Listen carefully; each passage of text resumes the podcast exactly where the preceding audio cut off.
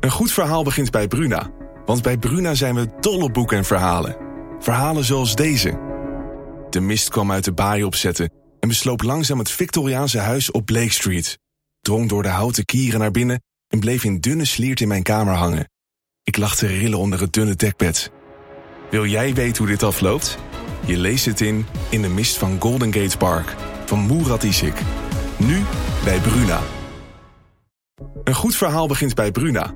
Want bij Bruna zijn we dol op boeken en verhalen. Verhalen zoals deze.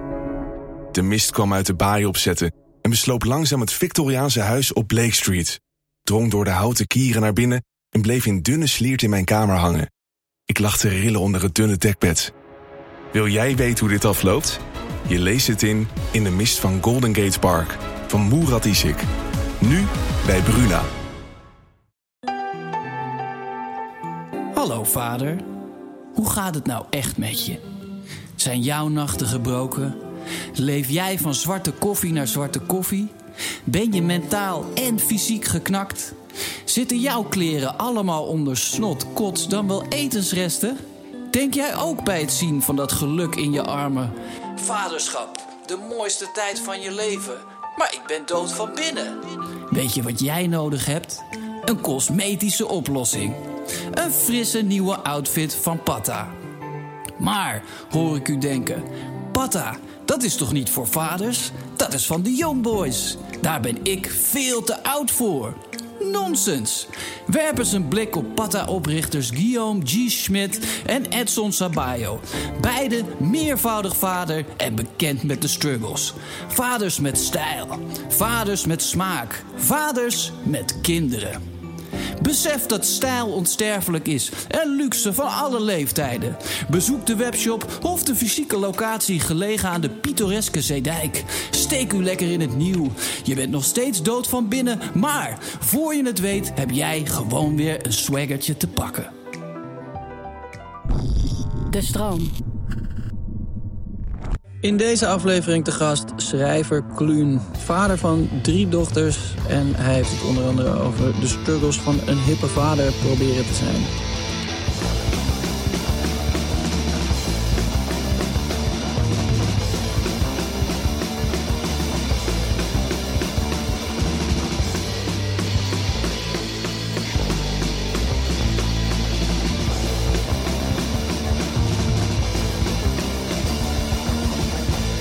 Wat leuk dat je er bent. Wat is het laatste wat je kind tegen je gezegd heeft?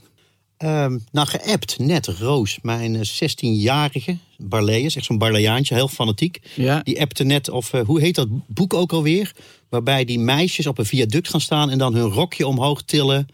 Om, uh, en dan ongelukken veroorzaken. Dat is het laatste, en dat is Wij van Elvis Peters, dat Vlaamse duo. Okay. Dus dat was het laatste wat mijn dochter tegen me gezegd of geappt heeft. Geappt. Ja. En, en dat het heeft gelijke waarde voor jou?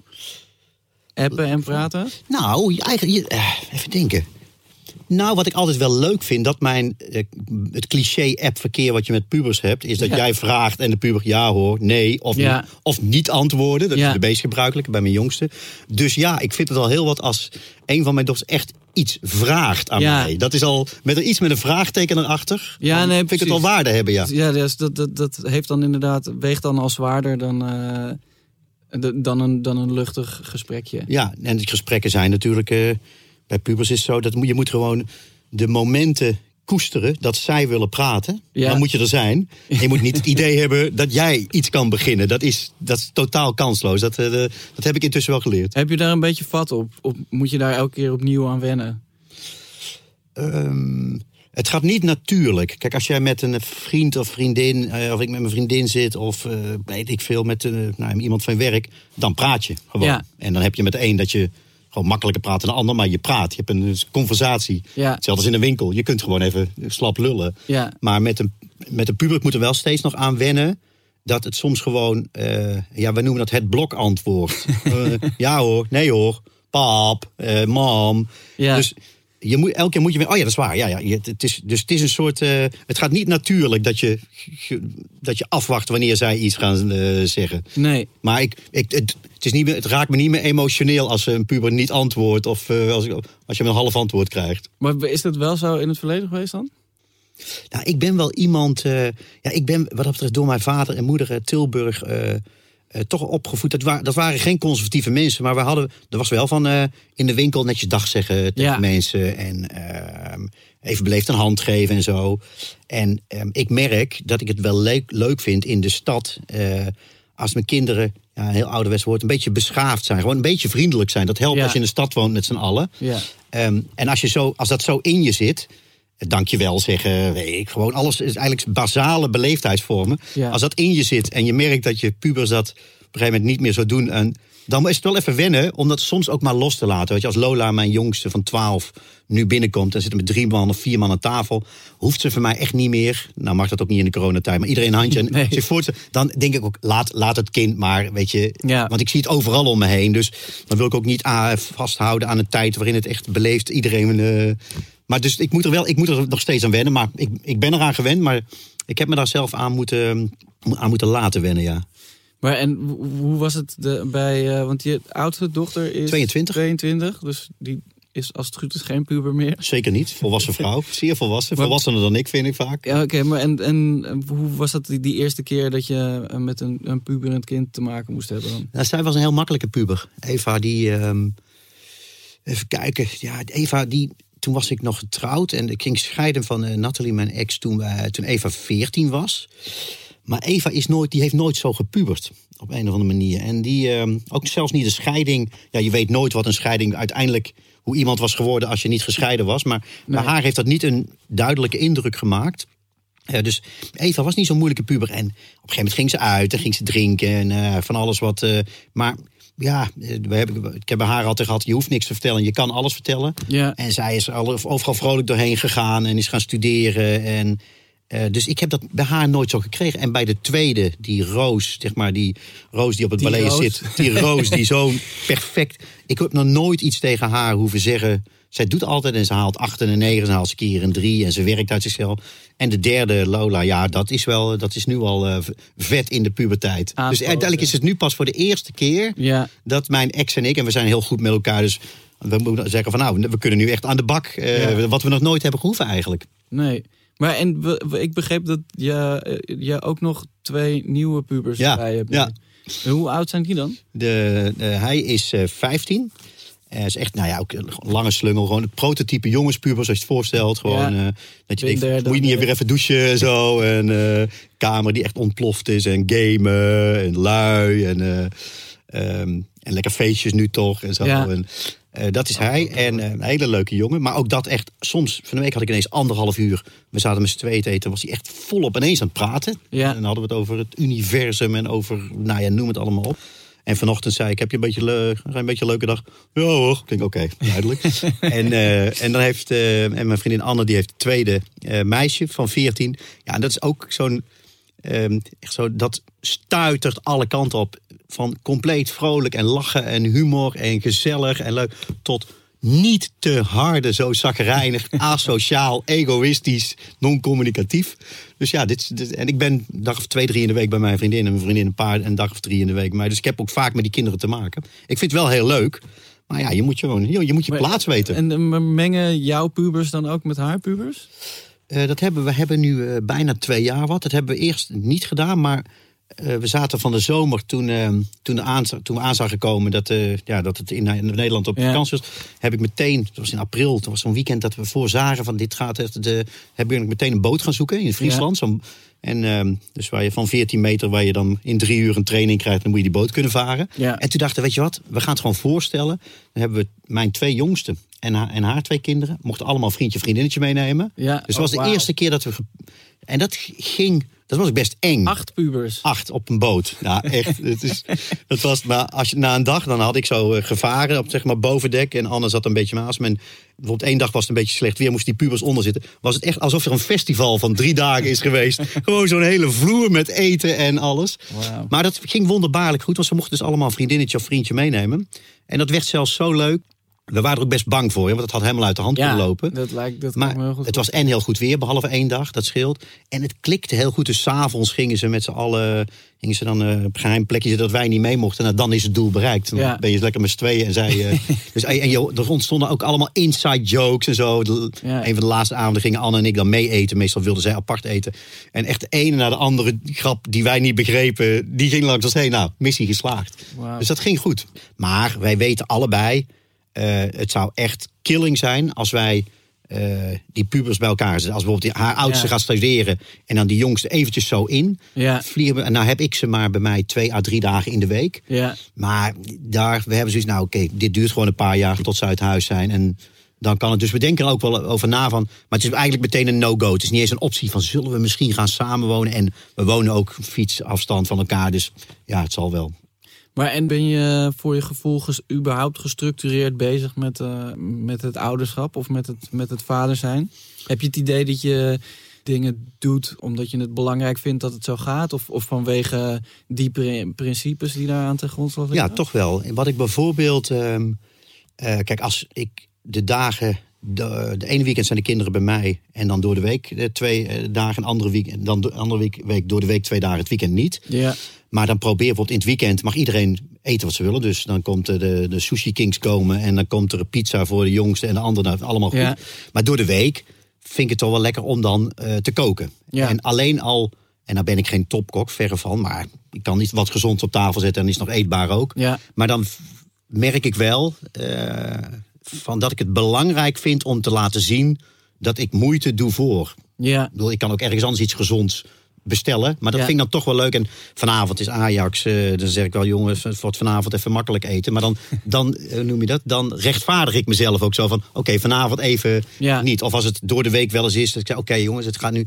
eh, het mag vanavond pizza. Maar ik merk dan dat ik me verontschuldig. Dus ja, er zit wel een soort, ehm, soort gestructureerd iets. Ik denk er wel over. En ik overleg bijvoorbeeld ook met mijn ex van...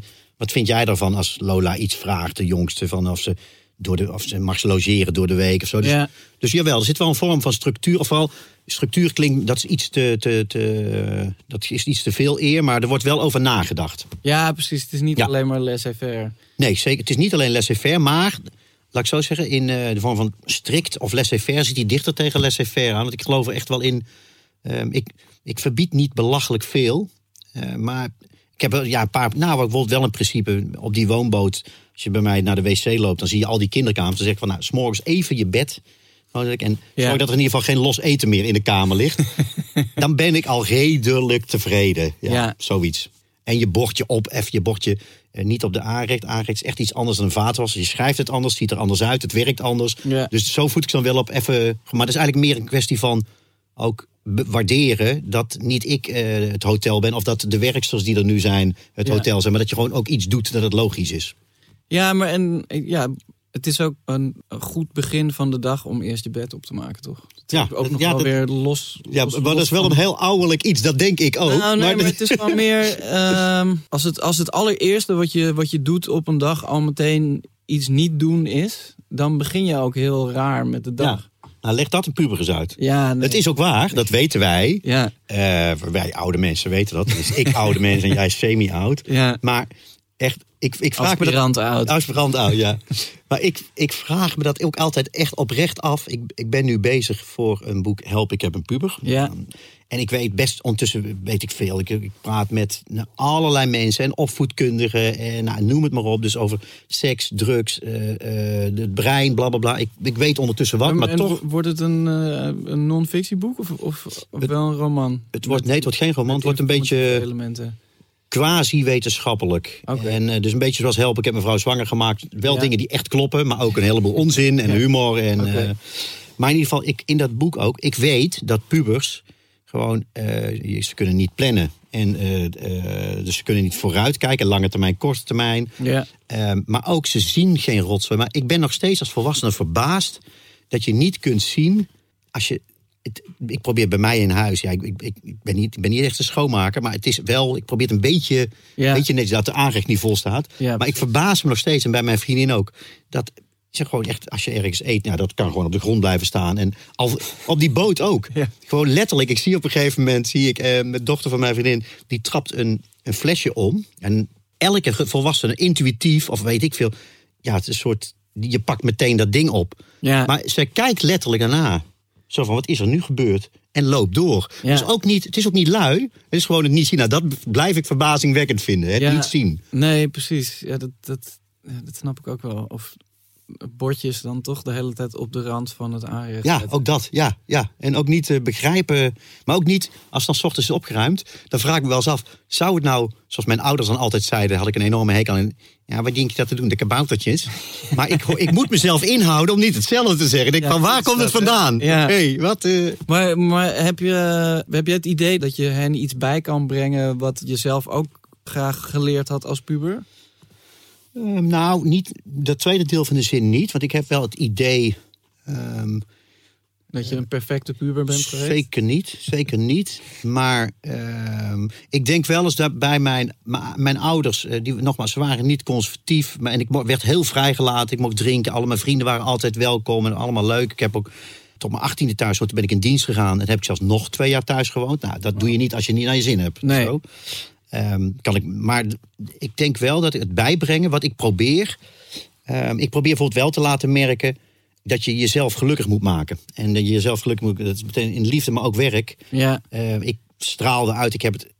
Ik zeg ook vaak, ja, ik heb gewoon, ik heb, vind ik de leukste baan ter wereld als schrijver. ja, En als ik, die, als ik dat niet zou vinden, zou ik iets anders gaan doen. ja. Dus dat soort, het is meer de waarde van. En je moet jezelf gelukkig maken. En dat is ook helemaal geen schande. Je, moet, je kunt alles doen wat je wil. Je, jij bepaalt hoe je leven in elkaar zit. Ja, behalve als je morgen onder een tram loopt of kanker krijgt. Maar dat hebben we niet onder controle. Nee. Maar voor de rest, ja, een beetje in, in, in coachtermen gezegd. Je hebt de regie over je eigen leven. En ik probeer dat uit te stralen. En ook tegen de kinderen te zeggen. Weet je, mijn jongste die is vorig jaar. eh, die kwam van de lagere school, ging eerst naar het Balletjes, werkte niet. Toen naar de Finse, een iets vrijere school, werkte Ja. niet. En zit nu op een sociocratische school in Landsmeer. ja. En dat is, dan hoef je eigenlijk basically niks te doen behalve komen. Af en toe. Je moet, ja, 26. En hun principe is, op een gegeven moment gaan ze zich vanzelf vervelen, die kinderen. En dan gaan Ja. ze iets doen. Oké. Nou, bij Lola was dat ook het maximaal haalbare. Maar het grappige is, zij is mega creatief als het gaat om haar uiterlijk. Zij gaat als een soort nieuwe Nina Hagen naar school. Ben je sexy gothic-achtig. Ze is 12, ze valt op meisjes, dat weet ze ook helemaal zeker. Ze is heel, heeft heel veel volgers op social. Maar zoals zij zich elke dag op een totaal andere manier eh, aankleidt, denk ik, ja, ik promoot dat. Vind ik geweldig. Mijn ex Ja. gelukkig ook. Dus leren van, doe je ding en dan word je vanzelf ooit beloond in geluk of geld of weet, het maakt niet uit hoe. Maar dus ik daar zit mijn ding. Ik probeer zo weinig mogelijk te sturen dat iets moet of zo. Ja, Dat is misschien mijn ding dan. Ja, oké, maar je zegt bijvoorbeeld wel daarnet dat je eh, eh, dat, dat pubers niet kunnen, kunnen plannen. Maar is dat dan niet iets waar je ze bij probeert te helpen? Gewoon ja, dat is een continue strijd. concreet, concretere kleine dingen. Zeg maar. Nou ja, dat is een continue strijd. En gelukkig nogmaals, bij mijn eerste twee... eh, Eva, Eva, die was een beetje hetzelfde als ik. eh, die deed, eh, ja, zij gymnasium, ik had te nemen. Nou, allemaal zesjes en zeventjes. En Ja. dat was wel weer goed. Roos is bloedfanatiek, dus het is achten en negens... behalve voor de vakken die ze toevallig niet goed kent. Nou, Lola was bijna... Dat, ze moest gewoon naar die andere school, Ja. naar bijzonder onderwijs. Maar bij mijn...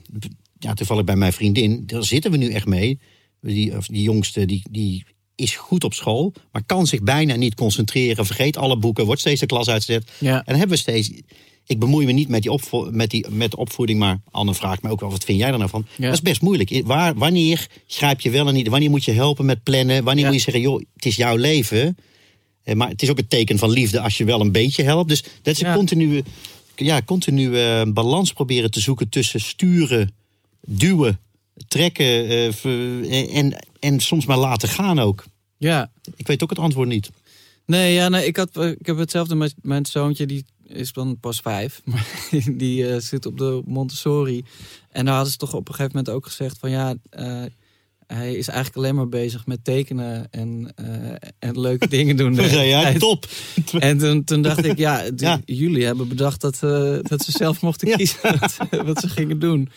Eh, maar toen heb, ja, nu heb ik dan toch maar tegen hem gezegd van... eh, ik zou het erg waarderen als je, als je toch ook met die letterbak een beetje aan, aan de slag gaat. Ja. Maar ik vind, ja, ik vind dat ook heel, wel heel ingewikkeld. ja, op een middelbare school, je moet nou eenmaal wiskunde, ja, je moet er even iets aan doen. Ja, En eh, je moet Engels. En dus op het moment dat je heel slecht bent in wiskunde, wat bijvoorbeeld de dochter van mijn vriendin is, die, die, en die, daar doet ze bijles, maar het werkt mee. Wij zeggen, ja, je moet een vier minimaal halen. Je hoeft geen negen, maar een vier, want Ja. andere cijfers haalt ze een acht. En daarna kun je het lekker laten vallen. Ja. Dus dat is het moeilijk. Ook sommige dingen moeten nou eenmaal op zo'n school. Ja. Maar ja, ik vind het wel. ehm, ja, het is ook, het is ook, ik, wat mij wel opvalt met mijn generatie. Mijn ouders hebben de oorlog meegemaakt. Ja. Die, waren kleuter. eh, eh, en, ja, ja, mijn vader is van 34, moeder van 37. Dus die hebben ook de opbouw meegemaakt. En wat me wel opviel, dat die heel erg op geld zaten in de zin van zekerheid. Ja. Terwijl mijn ouders, eh, die, niet mijn vader, die zat in de textiel en die heeft zich een paar keer om laten scholen. Ja. Mijn moeder was de eerste in, in Tilburg in de Rijtjeshuisstraat die ging werken, wel heel geëmancipeerd. Maar ze hebben wel altijd een soort angst gehad voor armoede. Ja. Dus is het ook logisch dat die hun kinderen, en dat is dus een beetje de, de boomers, mijn generatie, opvoeden van zorg dat je iets gaat studeren waar je, wel, waar je werk Ja, mee hebt. ja. En later, ja, ik heb op een gegeven moment, ja, weet je, het is niet te voorspellen welke kant je op gaat. En zorg nou maar dat je gaat doen wat je heel erg leuk vindt. Dan meestal ben je er ook goed in of andersom. Ja. Daar heb je veel meer kans bij dan dat je iets gaat studeren waar je helemaal geen zin in hebt. En eh, dat werkt niet. Dus, maar alleen is voor mijn generatie makkelijker om te zeggen dan voor mijn ouders, die wel mee hebben gemaakt wat het is om, eh, Ja. om weinig geld te hebben en om zelfs armoede te hebben. Ja, nee, natuurlijk. Dat is ook het hele ding van generaties. Het is natuurlijk altijd een soort shift. Ja, En Mijn kinderen zijn natuurlijk nog heel klein, maar ik, ik, er, er is nu al zoveel veranderd in, in de tijd, in de tussentijd vanaf dat ik op de middelbare school heb gezeten totdat kinderen nu op de middelbare school zitten. Maar ik heb geen idee hoe de wereld eruit Nee. gaat zien tegen de tijd dat, eh, nee, dat, dat zij die kant op gaan. maar zo'n letterbakvoorbeeld vind ik ook iets. Je hoort ook vaak datgene waar je, wat je eh, later, als je, als je groot bent, wat je, eh, waar je heel goed in bent en wat je heel leuk vindt, is, komt vaak overeen met datgene wat jouw zoontje, de oudste Ja. toch? Dus ja, het, het, waarschijnlijk zal dat geen zwaar geletterde, maar waarschijnlijk gaat hij helemaal in visuele dingen, in tekenen. Ja, Dus het, is vaak, Ja. het is vaak dat mensen het juist vergeten wat ze zo leuk vonden als 5, 6, 7, 8-jarigen. ja, En eh, ik herinner me bijvoorbeeld van een vriend van mij, vond ik zo grappig. Die, ehm, die had ook zo'n loopbaantraject en een psycholoog en alle flauwekul. En die zei van, ehm, ehm, die kwam er ook achter. Hij werkte in een, eh, zo'n uit, zo'n human resource. En hij vond het heel leuk om allerlei individuen te helpen. Maar zijn baas had er wat moeite mee, want hij, het, hij besteedde veel te veel tijd aan individuen. En toen herinnerde hij zich dat vroeger had je van die pakketjes met soldaatjes, weet je wel. Ja. En die waren dan allemaal groen. Maar hij, dan moest je eigenlijk gewoon allemaal een groen eh, dingetje schilderen, want dat was nou eenmaal één leger, die hebben dezelfde kleur. Ja. Maar hij gaf al zijn soldaatjes altijd een andere kleur. Ja. En dat herinnerde me in al die, herinnerde zich in al die gesprekken. Dat vond ik wel mooi ook. Dus de behoefte om overal kleine individuutjes van te maken. Of om te tekenen. Of om juist te, te rekenen of bouwwerken te maken. ja. Die zit er vaak heel jong in. En vaak vergeet je dat op een gegeven moment als je ouder bent. En dan ga je mee eh, in een stroom of zo. In zo'n carrière stroom. Ja, ja, nou ja, ik, ik, vind, ik kan het me ook nog goed herinneren. Want toen ik op de lagere school zat, was ik echt nog een kind. En toen ik naar de middelbare school ging, was het gewoon binnen drie maanden eh, alleen nog maar, eh, oké, eh, sigaretten roken, stiekem alcohol drinken. De hele tijd doen alsof je, alsof je al een volwassene bent. of wat- wat, je dan denkt dat dat inhoudt. Ja, En gewoon allemaal vanwege een, een, ja, een soort verandering van omgeving. En, en, eh, ja, en, en ook, dat vind ik eigenlijk ook best wel gek, dat je op de lagere school heb je dan, als je de dingen hebt af, of tenminste zo was het bij mij, als je dan dingen had afgerond, dan kon je een boek lezen of een tekening maken Ja? of zo. En, Oh ja, en ja, ja. Op, die middelbare, op de middelbare school is het dan gewoon alleen maar, nou ja, wiskunde waar je dan niks van begrijpt. En eh, als je dan een keer eh, een hele grote tekening op dat blokjespapier hebt gemaakt, dan wordt dan ook weer afgekeurd. Ja, ja, je wordt afgekeurd. ik weet dat mijn dochter die kwam op een gegeven moment, mijn oudste Eva, die was op denk ik 15, 16, die kwam uit school en toen was ze, ze was heel verdrietig en op een gegeven moment was ze zelfs aan het huilen. Ik zei, schat, wat is er? Ze zei, het is zo saai. ik zei, nou, dan is er in ieder geval niks mis met je analytisch vermogen. Dat Ja. is top. Het is het ook. Het is natuurlijk ook. Het, het- als ik die lessen geef, als, eh, ga ik als schrijver proberen het nieuwe lezen te promoten op scholen. Van lees wat je wilt en laat je niet opzadelen door je leraar met alle zware literatuur. Want we Nee. weten intussen dat helpt niet, dat werkt niet. Maar zeg ik ja, weet je, het probleem bij jullie is gewoon... het leeftijd waar je het minst zin in hebt in dingen leren... is de leeftijd waarop je hersens het meest geschikt zijn om Ja. te leren. Dat is jullie probleem. Succes, deal ermee. En ja. probeer het zo leuk mogelijk te maken. En ehm, ja, ik vind wel, als ik nu zie wat Roos bijvoorbeeld op dat ballet is...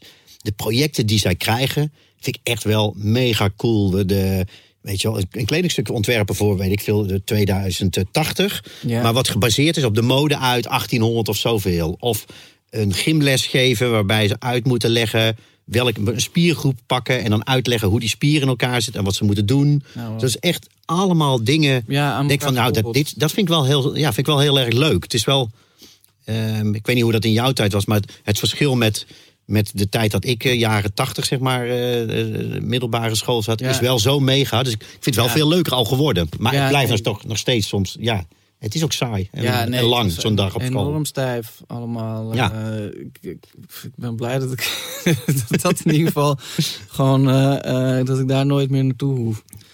Even terug. Heb je altijd al het idee gehad dat je vader ging worden? Of heb je altijd al kinderen willen krijgen?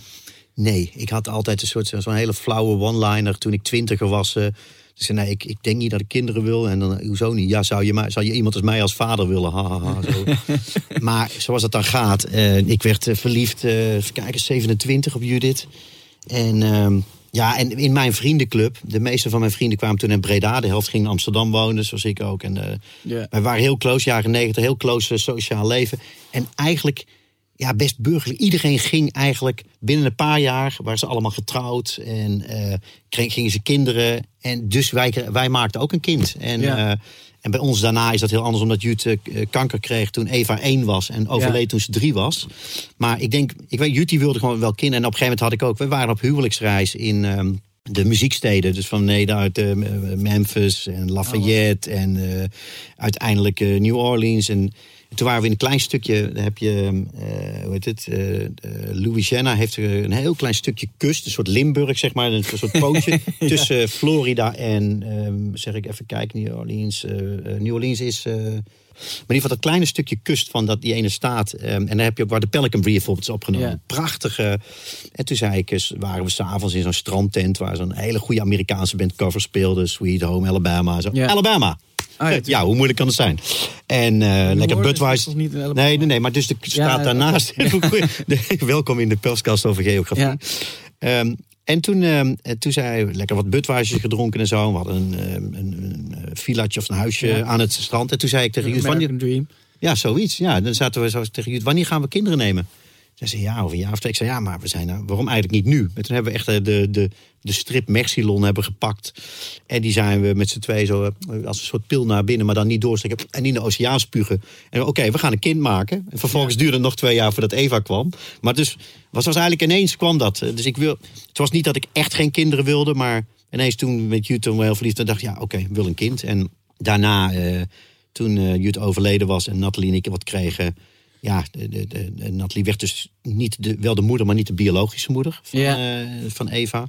Eh, begreep ook niet zoveel van Eva, dat was heel anders. En, die, ehm, en toen zijn we gewoon kinderen bij gaan maken. En het grappige is dat Nathalie nu die Eva, wij- toen, wij zijn dus gescheiden acht jaar geleden. Ja. Maar eh, Eva noemt nog steeds Nathalie haar mama. En het- zo voelt het ook. En Ja. heeft er echt heel veel moeite na onze scheiding voor gedaan. Ook, ook echt het moederschap over Eva te claimen. En dat vind ik ook heel mooi. Dus, ehm, dus ik heb er nooit. Je kunt ook nooit spijt hebben van kinderen nemen. Nee. Nee, dat kan niet. Nee, nee, nee, dat, nee dat, dat snap ik. Maar heb je dan, eh, had je dan, want zeg maar, het- idee van we gaan er nu aan beginnen is eigenlijk alleen maar een idee. Ja, En, eh, en eh, je pas als, als die baby er is, of het kind wat, Ja. wat groter wordt, dan, dan wordt concreter of duidelijker wat het eigenlijk behelst allemaal. ja. Maar en, ehm, Dat je weggeslingerd wordt uit het middelpunt van het universum. Was een soort kermisgrijper. Weet je wel, meer zo'n beestje. Die probeert je op te pakken. En die gooit dat beestje aan de zijkant ergens neer. Nou, zo voelt het een beetje. Ja. Je bent altijd, je kunt allemaal doen wat je wilt. En ineens sta je gewoon een jaar of 15 of 20 lang Ja, aan, het, aan de zijkant. ben je alleen Nou, maar dienstbaar. Ja, ben je- ja. Maar en dus daarna was het wel, eh, wel bewuster. Maar had je, had je dan, was dat nog uit een overweging om voor je, eh, voor je oudste dochter? Of, mm, nee, niet zozeer voor haar. want hoeveel? denk ik. Zes, vijf of zes jaar? Twee- Klopt ja, 22, Ja. 16 en eh 12. Dus Ja. zes jaar tussen mijn oudste en mijn tweede. Ja, Nee, ik denk niet zozeer voor mijn oudste dochter. Nou, het was eigenlijk ook wel logisch. Weet je, we waren op een gegeven moment. Wij waren, Nathalie en ik met Eva, waren ja, een, een gezin. En Nathalie wilde ook gewoon graag zelf kinderen, biologisch kinderen. Dus het was ook geen vraag. Het was niet. Het was echt ook geen, ehm, geen vraag aan kinderen nemen. Meer wanneer, wanneer weer. En ehm, ja. ja. ja. En wel, wat we wel hadden toen we op een gegeven moment Eva en eh, Roos hadden. En je merkte, Roos trok wat meer naar Natalie toe. Dat was haar biologisch kind. Ja. Eva en ik, ja, wij, ja, we, we kennen elkaar best wel goed, zeg maar. Het zou ze fijn vinden om Ja, dat zei best wel. En op een gegeven moment zei Naat wel, en dat klopt ook wel. De, ze zei van voor de balans in het gezin zou het best goed zijn als er een derde bij kwam. En dat bleek ook zo te zijn. Ja. En ook al gingen we twee jaar later scheiden, heb ik nog nooit. eh, het is ook beter geweest voor de, voor de balans. En ehm, ik ben ja, met drie dochters, ik ben er ook altijd heel, heel blij mee geweest. Maar ik moet zeggen. Eh, net tijdens dat voorgesprekje wat we niet mochten Ja. hebben van je. Ja, hè, van jij hebt drie jonge kinderen vlak bij elkaar. Ja. Ik moet er niet aan denken om inderdaad 5, 3 en 1 of zo. Of Ja. wat is het? Ja, het- het- ik vond het al tropenjaar. Ik ben ook niet zo goed met peuters en, en, en met eh, baby's, moet ik zeggen. Ik ben echt veel beter met de oudere kinderen. En, Ja, nou ja, ik merk dat wel dat het veel leuker is om samen dingen te doen. Als je gewoon kan zeggen, kom we gaan dit doen. In plaats van dat je, oké, je moet getild worden. Ja, ja. Je huilt nu, ik, wat, ik moet even ontcijferen. Wil je dit? ja, Wil je dit? ja. Maar je, tijdens, tijdens heb, je, heb je dat niet zo door. Nee, En ehm, wat ik de laatste keer eh, dus heel erg had, was eh, dat op een gegeven moment, we, we hadden gewoon een lange dag gehad. En mijn, mijn, ehm, mijn oudste kinderen waren ook gewoon moe en eh, lagen eindelijk in bed. Toen was het een uur of tien, toen had ik zoiets van, oké, ik ga gewoon nu slapen. Dan kan ik in ieder geval tot zes uur, dan Ja, ben ik ja. En toen eh, ging ik in bed liggen en toen werd de, de baby, die was toen denk ik drie of vier maanden, die werd na een half uur wakker. Een soort heel hard huilen. En ik, toen, ik werd, toen werd ik ook wakker en toen, toen dacht ik echt, nou, ik ka- kan dit, ik doe dit nog één keer.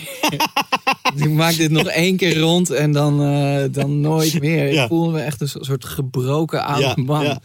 Maar ik heb juist, eh, juist heel erg het gevoel dat het, eh, het is allemaal zo zo chaotisch en, en veel vragend dat het wel weer klopt met elkaar. Ja. De, de, de chaos houdt zich, ha- zorgt voor een, eh, eh, een, een soort natuurlijke dat eens- balans. ja, je kunt er niet eens met de behoefte aan, aan gestructureerd. Dat kan niet al eens. Dat komt niet meer eens in je op of zo in deze tijd. Nee, nou ja, ik bedoel, ik kan... Het is zo ver weg. Ja, nou ja, ben, ben de, eh, mijn jongste dochter die is, is nu net één en die slaapt eindelijk gewoon normaal. En eh, de- daardoor is er dus wel weer s'avonds ongeveer twee uur eh, waarvan ik weet van oké, dan, dan kan er whatever gebeuren. En s ochtends, als ik op tijd opsta, een, een uur of twee uur, dat ik nog even kan werken of Ja. zo. En eh, ja, de rest van de, de tijd ben ik dan wel gewoon bezig Ja. met, eh, oh, wat is dit? Nee, eh, Oh ja, niet. Ja, ja, ja, ja. ja.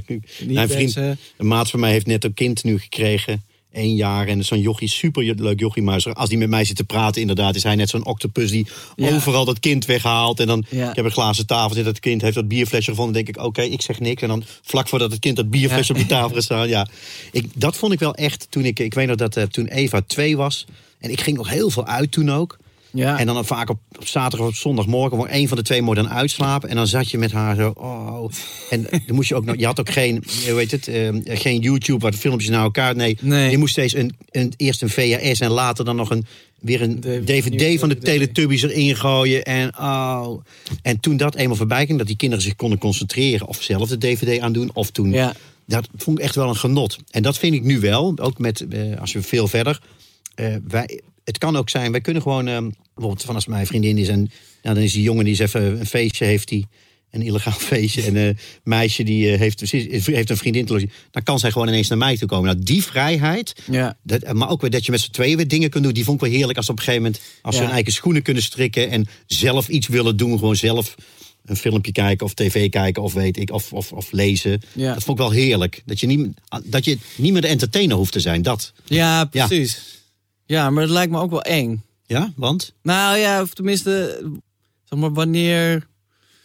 eh, dit- eh, Het, het idee dat ze op een gegeven moment helemaal hun eigen ding gaan Ja. doen. Ja, ik vind dat op dit moment gewoon een hele En wat rare vind je dat eng aan dan? Ja, gewoon omdat je bent zo close met ze. Je bent zo intens bezig met die, met die kleine wezens de, de Ja. hele tijd. Die, die, eh, die je moet beschermen en, en tegelijkertijd ook, eh, ook hard moet maken. Ja. Zodat ze hun eigen ding kunnen gaan doen. Ik, ik vind dat ook wel weer een hele enge gedachte. Dat ze, eh, dat ze je straks helemaal helemaal niet meer Dat je niet meer nodig bent. Ja, Nee. Ja. Nu ben je alleen maar nodig faciliterend en zo. En te zorgen dat ze niet eh, doodgaan van de honger. En, eh, en later. nou, dat, ja, ik, gek, ik vind dat. Wat ik heel fijn vind. ehm, ik vind het wel lekker ook om dat je niet zo protectionistisch hoeft te zijn. Dat je.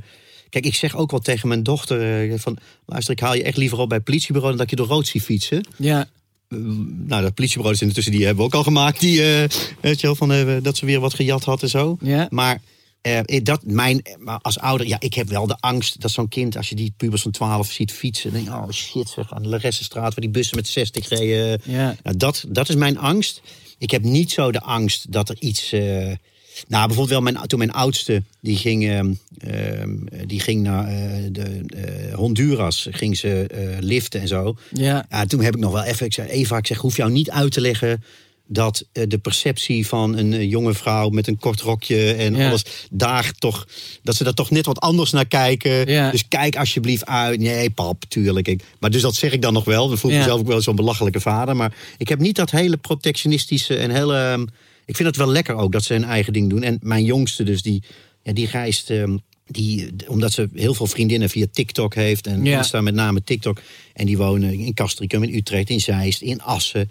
En die gaat met de trein ook overal toe. En dat vind ik ook wel heel leuk. En ik zeg wel altijd, altijd je telefoon opgeladen. Ja. Ze hebben ook een Uber-abonnement. Dat als er ergens iets is, ja. dat ze gewoon op mijn Uber dan maar terug kunnen komen.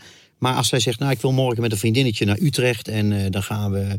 Dus ja, dan zeg ik, oké, en welke trein pak je? En hoe? En hoe laat ben je terug? En ze houdt zich daar aan. Ik vind ik ook wel stoer dat ze dat doet. Dus dat loslaten vind ik... Ik vind dat loslaten juist wel heel leuk en ook wel... eh, en egoïstisch. Ik vind het ook wel fijn dat ik niet zo nodig ben. Ja. Want ja, ik ben hartstikke blij met mijn eigen geliefde. En ik- ja, ons eigen ding. En, en uitslapen en met vrienden dingen doen, met mijn vriendin dingen doen. Ja, daar geniet ik echt wel heel erg van. Zelfs zo erg dat als ik iemand van jou eh, in jouw ouderschapsfase ergens in de supermarkt met zo'n kleine zie je, zoals jij zegt, dat ontcijferen. Dan denk ik, ah man, blij, blij, blij dat dat nooit meer gaat gebeuren. Nou ja, zeg nooit nooit natuurlijk. Nou, ik ben gesteriliseerd. Dus, eh, Oh, oké. en, maar ik moest er niet aan denken, inderdaad. Stel, want je heel toch veel mannen hebt die natuurlijk op een gegeven moment een tweede liefde krijgen. Ja. En een vrouw van drie. De gouden wet is: je weigert een vrouw nooit, als ze van je houdt, nooit een kind. Dat kan niet. Nee. Dus dan ga je weer. Nou, dat kan bij mij in ieder geval niet gebeuren. en dat weet ik al. Nee, ik moet daar niet aan denken. Dus nee, dat, dat, ik kan wel nooit zeggen. Ja. Behalve als eh, mijn ou- de oudste van eh, mijn vriendin ineens haar, zijn vriendin zwanger maakt of zo. Ja. Of andersom. Dat is ons schrikbeeld. Van, het zal zo zijn dat zo'n meisje of Ja. je zoon een vriendin zwanger maakt. En dan zijn we gewoon ineens... Ja, ja, maar ik bedoel, het- je, het is nu ook alweer bijna zo laat dat je dat dat überhaupt ook op een, op een minder stressvolle manier aan, aan, de, aan de gang kan zijn, toch? Hoe bedoel je? Nou ja, je hebt er ook al een, een dochter van 22. Ja. Dat, dat is al die niet redt meer- zich wel. Ja, nee, maar dan word je ook gewoon. eh, Ja, dan ben je jong opa. opa. Maar dat Of- vind ik of is dat niet maar die zich. schrikbeeld? Nee, dat die meer- redt zich. Nee, nee, mijn schrikbeeld is een beetje dat eh, inderdaad eh, dat mijn, ja, die 16-jarige die heeft nog geen vriendje, maar ik denk die van mijn, eh, van mijn vriendin. Hij heeft een vriendin en die zijn seks een beetje aan het ontdekken. Ik hoop niet dat hij deze podcast gaat luisteren, vast niet. Ja, shit, nu jij erbij bent. Jij bent wel cool voor hem. Shit. Maar eh, ik nou, fictief even. Ja. en, ehm, maar het idee dat hij zijn lieve vriendin zwanger maakt. En dat die jongen die kan niet eens zijn eigen bord opruimen. Of die weet amper hoe de magnetron werkt. Nou, Ja, dat, dat gaat echt geen verzorgende vader worden. Nou, dat lijst wel een schrikbeeld. ja, Ja. nee, goed. Nee, die van 22 die redt zich wel als die zwanger wordt. Maar dat gaat ook nog wel even duren. Ja, maar en je dan wel, eh, kijk je dan wel uit naar dan wel opa zijn? Als het niet op een, eh, op een stressvolle manier is. Nee, Of heb, heb je dat- daar nog helemaal niet nee dat zit zo ver. Ik denk Eva die heeft net die, eh, heeft antropologie gestudeerd. Dus een paar maanden naar Berlijn wilde gaan clubben en een beetje studeren midden in de lockdown. Dus ja, dat viel in het water. Maar Ja. nee, die is zo. Die woont al een paar jaar op zichzelf in Amsterdam. Ja, En die, die geniet van het leven. Nou ja, als, als, je, als ze weer kan beginnen met leuke dingen doen. ja, Ehm, dus die is absoluut niet. Die zei laatst ook. Nou, ik kan me niet voorstellen dat ik binnen zes of acht jaar een kind heb. Dat denk ik ook niet met het leven wat zij leidt. Dus ik. Nee, ik ben niet. eh, ik, ik kijk niet. Ja, ik kijk niet uit opa. Maar mijn buurman. eh, die is nu sinds eh, twee jaar twee keer opa geworden. Wat ik wel heel vertederend vind. Dat je dan weer een nieuwe zachtheid bij mannen. Vooral die oudere generatie nog. Die Ja. echt wel wat stoer en zo. Maar dat zie je bij al die. Zeg maar de mannen die nu eind 60 en in de 70. Dan komt ineens durven die alles, alle, alle hardheid of cool. Ja, het is niet cool, maar die laten ze varen. Worden de meest lieve, zachte opa's. Ze zitten uren te spelen. Vind ik Ja. wel heel vertederend altijd om te zien. En ik ben benieuwd hoe dat bij mij zal zijn. Dan, ooit, straks. Was je vader een, een gezellige opa voor je kinderen? Ja, ja, zeker. Ja, mijn opa was, of mijn vader was wel van de grappen en zo. En mijn kinderen, met name Eva, en de, de oudste van mijn zus, die is ook dezelfde leeftijd als Eva. Dus toen zij klein waren, toen was Jut ook ziek. Ja. Dus eh, toen waren mijn ouders zestigers, die waren heel vitaal. En ze logeerden heel vaak bij opa en oma. En ja, opa was echt wel van de tenten bouwen, hutten bouwen, grappen maken en zo. En dat was wel een hele leuke opa, ja. Maar ja. en was dat dan nog, eh, waren er dan nog dingen structureel anders van, van toen hij je vader was? Dat je, Ja. dat je zoiets had van, eh, waren... eh, Jawel. voor Nou, mij je hebt heb wel meer spelen. gebouwd. Nee, nou, hij bouwde wel veel dingen van mij. Die bouwde, ik was eh, gek op Floris, de Rutger Hauer. Ja. Hij bouwde schilden en zwaarden en zo. Maar wat anders was in die tijd, ik voetbalde, er stond niemand langs de lijn. Ja, nou speelde ik in het vijfde van RKTVV. Dus het was ook niet dat er, dat er een kans was dat ik de nieuwe, nou ja, de nieuwe Willem van Hanegem of Cruijff zou worden. Maar niemand van die ouders stond langs de lijn. En nu is het echt not done als jij gewoon, eh, als je kind voetbalt, volleybalt of wat dan ook. Dan hoor je daar toch wel driekwart van het seizoen eigenlijk bij te zijn. Ja. En dat was vroeger allemaal anders. Dus eh, het, ook het spelen met je kind, dat was anders. Mijn vader was gewoon, denk ik, toen een gemiddelde vader. En ehm, hij ging wel eens mee met mij naar het voetbal kijken. Dus als we naar Willem II kind kijken. We, gingen, we hielden allebei samen van wielrennen, dat deden we. Ja. Muziek had hij eigenlijk niks mee. Ehm, en, met, en, later, en hij werkte ook heel hard, eh, Ja. die man. Dus later, hij, werk, hij was met pensioen toen, ehm, toen Eva geboren werd. Ja, ik denk dat het toen voor hem ook makkelijker was en eh, makkelijker aan toe te geven en meer tijd. En het is ook wel makkelijker opa zijn dan vader. eh, Ja, als je dat kind gewoon weer terug kunt geven op een ja, gegeven moment. precies. Als je niet, niet de hele tijd Ja. daar, daarmee aan het Ja. dealen bent natuurlijk. Ja. Maar ik heb het niet. ja, ik heb het ook nooit gemist of zo. Ik heb het in familieopstelling schrijf ik ook een stuk van. dan moet je. Dan moet eh, Stijn, eh, die moet dan terug naar zijn jeugd. En ik heb, ben zelf ook naar zo'n soort snelkookpannenweek van spiritualiteit en psychologie geweest en zo. En dan moet je je ouders de schuld gaan geven de eerste drie dagen van je leven. En dan moet je Ja. een boze brief. En dan laat ik Stijn ook echt een brief schrijven. Pa, je was geweldig, punt. En dan is hij, eh, ja, maar dat kan niet. Ja, flikker op, moet ik het feit dat ik van mijn leven de puinhoop heb gemaakt, zo moet ik dat aan mijn vader verwijten. En moet ik dat, omdat mijn vader niet mee naar het voetbal ging, moet ik dan, Ja. zoals Arno Grunberg heel mooi zegt, als je een jaar of veertig bent, wordt het misschien ook wel tijd om je ouders niet langer de schuld van jouw kutleven te geven. of zo. Ja, nee, maar ik bedoel, ik vind het ook heel logisch. Als je, als je nadenkt over evolutie, om te verbeteren, ben je dan, is de natuur toch ook constant op zoek naar dingen die, die, die in de vorige versie minder Ja, waren. ja. Dus het is ook logisch dat je, dat je dingen anders wil doen dan hoe ze voor jou zijn geweest. ja. Of het nou terecht is of onterecht. En wat je ook merkt, als je het over in dat kader van evolutie. Als ik kijk, die, ehm, die kinderen van nu en Eva dan 12. Of eh, Lola 12 en hè, best wel moeilijk met school. Maar Ja. als ik kijk hoe die denkt, hoe die analyseert, hoe die Ja. praat als ze praat. Hoe die eh, durft en kleedt. Hoe ze. en natuurlijk met alle, alle, alle media vertegenwoordigers.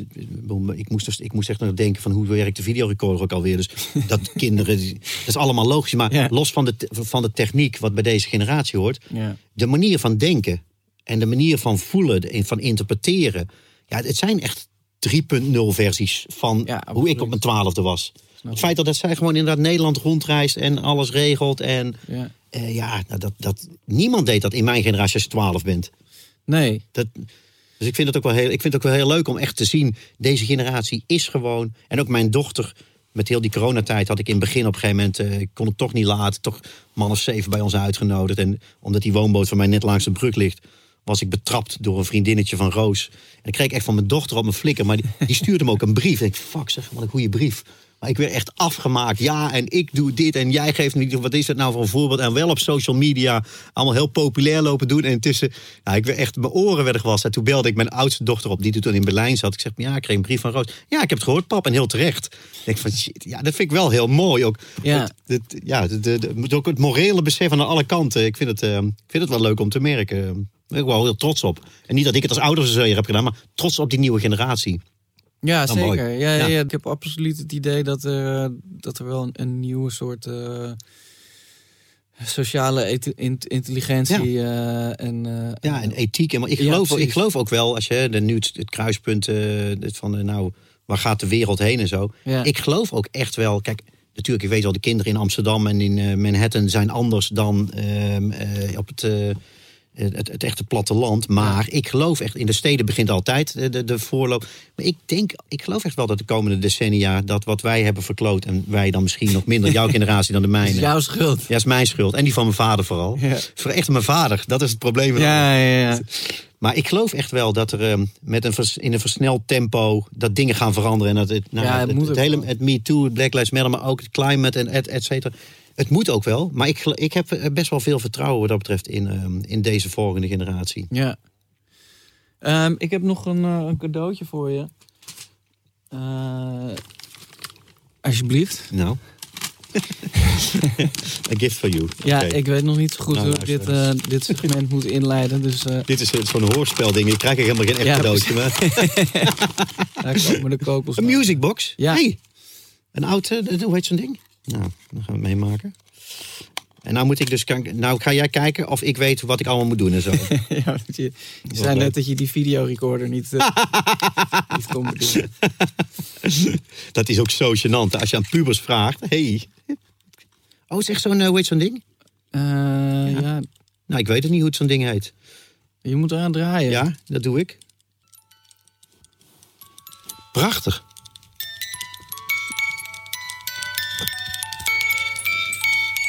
Eh, let it be, let it be. Nou, jongens, we hebben gewoon de Beatles hier op microniveau. Wat mooi. Nou, dankjewel. Als je dat aan pubers trouwens vraagt, waar heb je een van de grootste hekel aan bij je ouders? Dat ze dan vragen, hoe werkt dit? Of op je, op je iPhone of wat dan ook. En vervolgens als een gek weer beginnen te swipen en dingen doen. Ik van, come on. Dus Dat zijn, al die pubers hebben een bloedhekel aan. Dankjewel, Pepijn. Dankjewel. Ja, want ik begreep dat eh, je bent met je, met je eh, dochters naar een concert van Paul McCartney geweest. Ja, ik heb mijn Heb oudste, dat juist in laten fluisteren? mijn oudste heb ik inderdaad, eh, die heb ik gezegd, ik ga je naar alle klassiekers meenemen. Ah, oké. Ja, dus we zijn, eh, nou ja, we hebben McCartney, Beatles, of de Stones, we hebben Springsteen, we hebben, maar ook, nou ja, we zijn bij jullie geweest in het Olympisch Ja. met haar vriendin en zo. En ehm, eh, af en toe ze samen, soms gaan ze, zien we elkaar op hetzelfde festival eventjes. Ehm, dus dat vind ik heel leuk. En met de en jongst, of met de middelste op een gegeven moment was dat Miley Cyrus en zo, maar ook bijvoorbeeld naar eh, de oma van Miley en van Ariana naar Madonna geweest. Eh, en, ehm, dus ik probeer ze wel een beetje. En nu, eh, ze is mijn, die middelste die is helemaal gek van Arctic Monkeys. Zo, dat noemen ze allemaal vadermuziek. Want al die jongens uit haar klas, die van 15, 16, 17, vinden dat hele coole muziek. Ja. En de War on Drugs en dingen.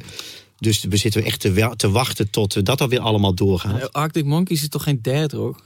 Nou, dat vind, ja, nou, maar wel voor die jongens van Betty, 15. En wel Oh. voor 15. Dat, hun vaders zijn natuurlijk, wat zijn die? Ah. ja, 40, eh 40, 50. Dus dat zijn echt wel. eh, maar ik vind dat, ik promote dat. En ik kijk ook vaak op Spotify, hè, dat rechtse rijtje wat, wat Ja. ze. Nou, dan meestal ben ik toch wel tevreden. En de jongste die zit helemaal in de Billie Eilish en zo. Ze hebben Ja. heel eventjes een. eh, ze heeft heel even een Famke Louise en Ronnie Flex gehad. Maar dat is.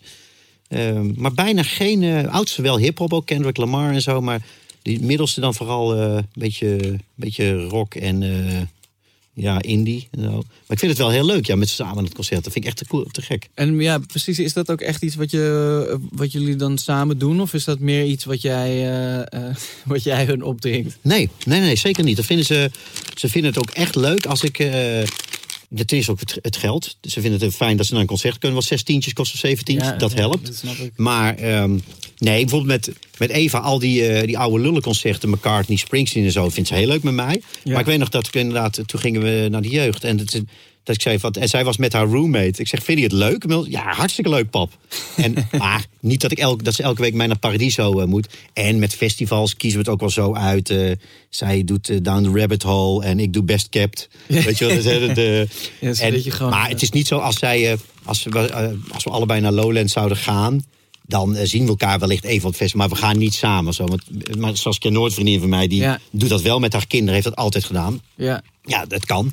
Maar ik, ik, eh, zij vindt het wat prettiger om eh, wat privacy op een festival te hebben. Maar dat vind ik ook wel, wel, wel iets prettiger. Ja, dat Ja. snap ik. Ja. Gewoon een, een, zonnebril. En... Ja, zoiets. Ja, maar wel... eh, ja. Maar en zijn er nog meer dingen die, je- die, je echt, die jullie echt samen doet met je, met je kinderen? Op, op een soort. Eh, eh, ja, hoe zeg je dat? Een gedeelde hobby, maar iets waar je, waar je echt iets uithaalt? Ehm, nou, wat, eh, we, ik probeer wel eens veel maar wat zij leuk vinden. We proberen soms af en toe een serie te kijken. Die ze, ik heb, met Eva heb ik heel Twin Peaks teruggekeken. Oh. heel leuk. Eh, ik die klein- nieuwe? eh, ook de nieuwe, ja. Ja, ja, Ja, ja. Wordt, wordt al iets minder, maar toch maar wel leuk als je dat geheel ziet. En ik heb een bootje en dat vinden zij ook heel erg leuk. Dus eh, dan gaan we met vriendinnen varen. ehm. en, ja, en, en wat we dus ook steeds meer proberen is spelletjes. En met name die. Dus, en ook weer dingen als eh, koehandel. En, maar zelfs Ja. Scrabble en zo. ehm, mijn jongste niet hoor, maar. eh, ik verlies fucking ook weer steeds van Scrabble, van Roos. Dat is echt als ik de schrijver. En eh, dan mogen ze wel ook Engelse en uitdrukkingen en oh my god en zo, die mag erbij. Ja, Maar de- dus dat vind ik wel heel leuk. En, ehm, en met Roos kook ik wel eens samen. ja. Ja, dat, dat is het. Maar echt een, echt, echt een gezamenlijke hobby. Ik denk dat het ook wel anders is als vader. eh, Nou ja, dat is misschien een beetje eh, verkeerd uitgedrukt. Maar, maar ja, meer iets wat je, wat je samen doet... waar je ook echt iets, iets uithaalt op een ouder-kind manier. ehm, nee, ik denk als ik met Roos wat, wat eten staat te maken. Ja, of, of spelletjes en elkaar dollen. En ehm, ja, ja, concerten. Ik denk dat dat wel de drie meeste dingen zijn die we...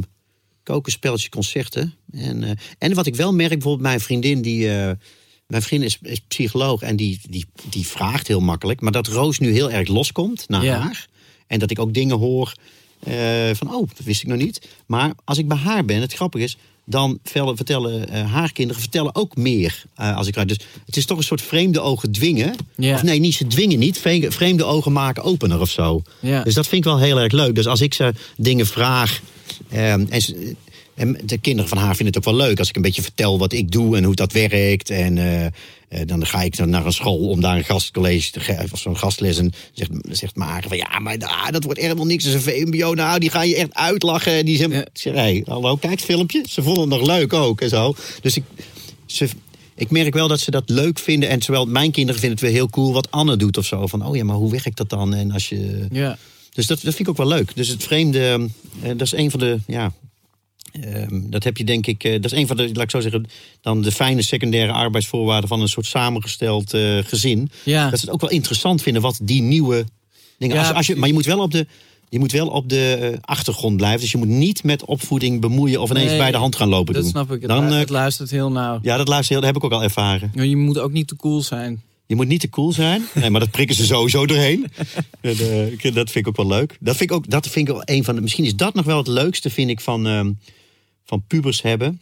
Dat je gewoon echt gewoon genadeloos steeds eh, op je plek wordt gewezen of doorgeprikt. als je iets te jong wil zijn, of te populair wil zijn, of te cool zijn. Ja, pubers denken dat ze alles beter kunnen, beter zijn. En ik, nou, ik train dezelfde sportschool als jij met Ja. eh, de grote vriendelijke reus, met Björn. Maar Mare denkt serieus dat ze dan van mij met armpje drukken wint. Maar daar kan ik er nog wel gewoon met gemak eh, opzij zetten. Zelfs als het met twee handen wel. probeert. Ja, nu nog wel, ja. Ja. breek je je, ja. je pols. Ja, en Dan kan je geen succesromans meer ja, nee, ja, dat, ik moet heel erg oppassen voor mijn pols. Dat is mijn goud. Ja. En, heb- en hebben ze een beetje... Lezen zij jouw boeken? Eh, wisselend. Eva die heeft eh, nooit Komt de vrouw bij de dokter gelezen. En dan zegt ze ook van pap, ik weet het. Ik weet wat het over gaat. Ik weet dat ehm, eh, mama en jij... Ik ken het heel verhaal. Ik weet dat jij veel van mijn moeder hield, van Jut. Ik weet dat mama en jij heel veel... Dus ik heb vrede met het verhaal, maar ze- het komt te dichtbij om het zelf te lezen. Ja. Maar die heeft allemaal andere boeken wel gelezen. DJ, Familieopstelling, Haantjes. Roos heeft Familieopstelling gelezen. En die begint nu aan Komt de vrouw bij de dokter. Maar de meeste vriendinnen van haar hebben die film ook al wel gezien of Ja. zo. En eh, nou, waar ik heel trots op wel, dat eh, eh, zoon van, van mijn vriendin, die leest ook nooit. Ja. En die was wel DJ en dat vond hij ook wel te gek. En ehm, ik heb bijvoorbeeld ook, we waren deze zomer dus op die boot.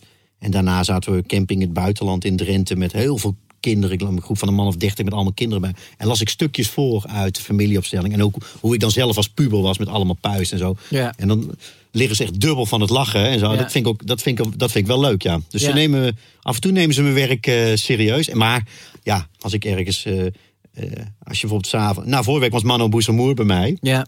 Ja, dat vinden ze wel heel stoer. Of als ik naar jou ga, vinden ze stoer. Maar ja, als Saskia Noord of Art Roy waar, ja, Akkers uh, langskomt, ja, dat...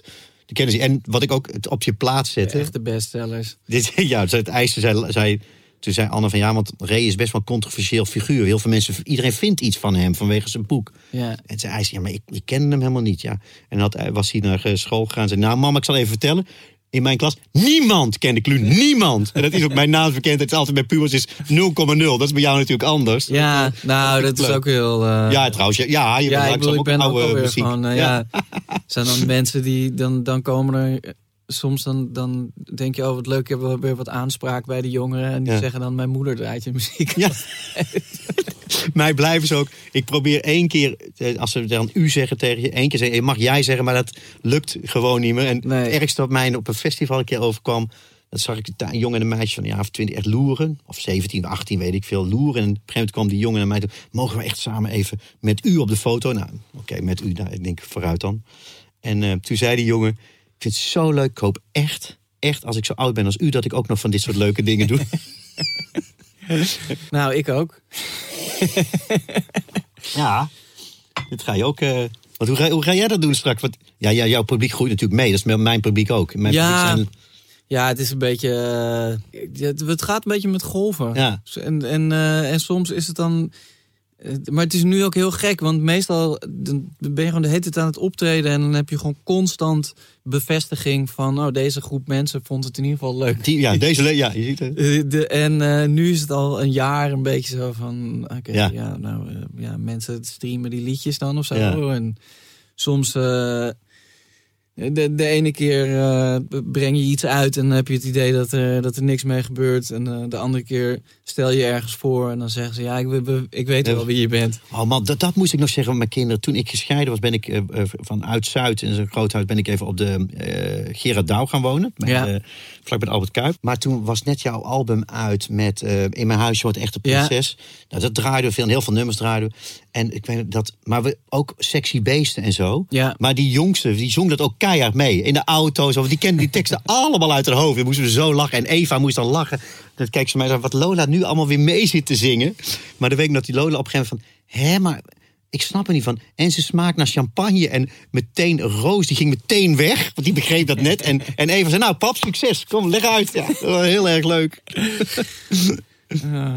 Ja, nou ja, Dat krijg je bij jouw kinderen ook natuurlijk. Ik- Ja, zeker. Die- Ja, ja, ik ben heel blij dat we voor vorig jaar dus die show in het stadion. Daar waren mijn zoontje en, Ja? eh, en mijn dochter bij. En mijn zoontje weet dat ook echt nog. Ja, ja. Dus dan, dat, dat is in ieder geval gebeurd. Ja. Dus ik, ik, ik weet, ook niet, weet natuurlijk niet hoe het verder allemaal uit gaat pakken. Maar ik kan in ieder geval wel zeggen... Jawel, want ik was in dat stadion. Ja, dat heb jij ja. gezien. Ja. Ik ben, ooit, was ik, ooit was ik een ster.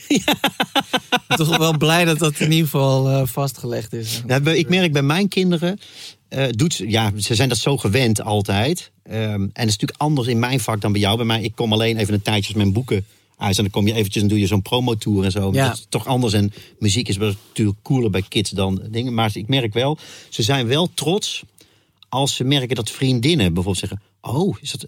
En dat mijn vrienden, ja, mijn vader inderdaad, die is echt fan. Of dat Ja. die het wel, dan merk ik toch wel een soort, ze zijn wel trots dat ik, ik hoor als ik Lola hoor, praat, ja, maar mijn papa is schrijver en zo. En eh, dan denk ik, ah, een soort, via de zij hoor je dan wel dat ze, dat ze trots zijn. En ik moet Ja. zeggen, ik vind dat wel leuk, want ik was ook, ik was ook al wat wel trots op mijn vader. eh, eh, mijn vader hè, dat mijn, mijn vader die heeft, eh, die kwam uit een gezin van negen, acht kinderen. En die heeft zichzelf echt met avondmulo Ja. opgewerkt tot eh, eh, eh, eh, magazijnchef en zo. En Ja. gewoon zijn gezin welvaart geboden. En mijn moeder, ik vertelde dat net nog trots tegen jou. Mijn moeder, de eerste vrouw die werkte in die. Ja, dus ik, ik ben er altijd wel trots op geweest. En ik vind het ook wel leuk, toch als mijn kinderen wel waarderen. In ieder geval, eh, ook dat je je eigen gang bent gegaan en dingen doet en hebt Ja. gecreëerd. Dat vind ik wel, Ja, ben ik wel blij mee. Ja. Ja, ja dat, ehm, maar dat, dat, hoeven niet te dat- dwepen, dat maar- Sluit ook, nee, maar dat sluit toch ook wel aan bij wat je zei eh, over eh, je eigen geluk proberen te Ja, creëren. ja. Ja. Nee, dat, dat snap ik ook wel. En dat hoop ik ook. Want dat, dat was voor mij persoonlijk, toen ik op de middelbare school zat, had ik ook geen flauw idee wat ik moest gaan doen. Ik wou gewoon eigenlijk alleen maar blowen. Ja. wat begrijpelijk is, Ja. maar niet echt een carrière. En, eh, en ja, dat het dan toch eh, ergens toe gekomen is. eh, dat, dat ja, hoop, hoop ik toch wel dat ze, dat ze daar begrip en, en wellicht een klein beetje respect voor op kunnen brengen later. Ik moest ineens zeggen, wat nu jij dat zegt over dat blowen, dat een de, de, de vriend van mij die zei toen tegen zijn zoon, eventjes gewoon in het moment dat hij het helemaal beu was, zei hij, heb je nou eigenlijk ook nog een, een idee wat je met je toekomst wil, behalve een wasbordje halen en de hele dag gamen? Dat is gewoon uit pure frustratie. ja. Dat heb ik iets minder gelukkig. eh. ja. Nou ja, eh, heel erg bedankt. Graag gedaan. Ik vond het leuk. Leuk om eens even over kinderen te praten. Ja, Ja, echt eh, zeer inspirerend. staat je nog veel te wachten. Ja, zeker. Ja, ik, Maar ik, volgens mij, ja, ik hoop wat, echt dat je dat steeds meer kunnen. Nogmaals, ik, ik, ben, ik vind dat loslaten, als je eventjes ook, over eh, liefde. Ik, ik vind het, ehm, ehm, wat ik heel erg echt leuk vind, en niet van egocentrisch oogpunt, maar gewoon dat je ziet dat die kinderen je steeds minder nodig hebben. En dat Ja. het mensjes worden die steeds meer kunnen en inderdaad volwassen worden, jou corrigeren, Ja. eh, eigen, eigen identiteit steeds meer. Ja, dat vind ik zo leuk en vind ik zo grappig. Je- Jij zei het straks geloof ik van het is een heel gek idee dat je ineens begint iets te groeien. Heb je iets geplant samen met je vrouw en dan komt er ineens echt huh? komt een mensje uit en dat komt uit mij en haar.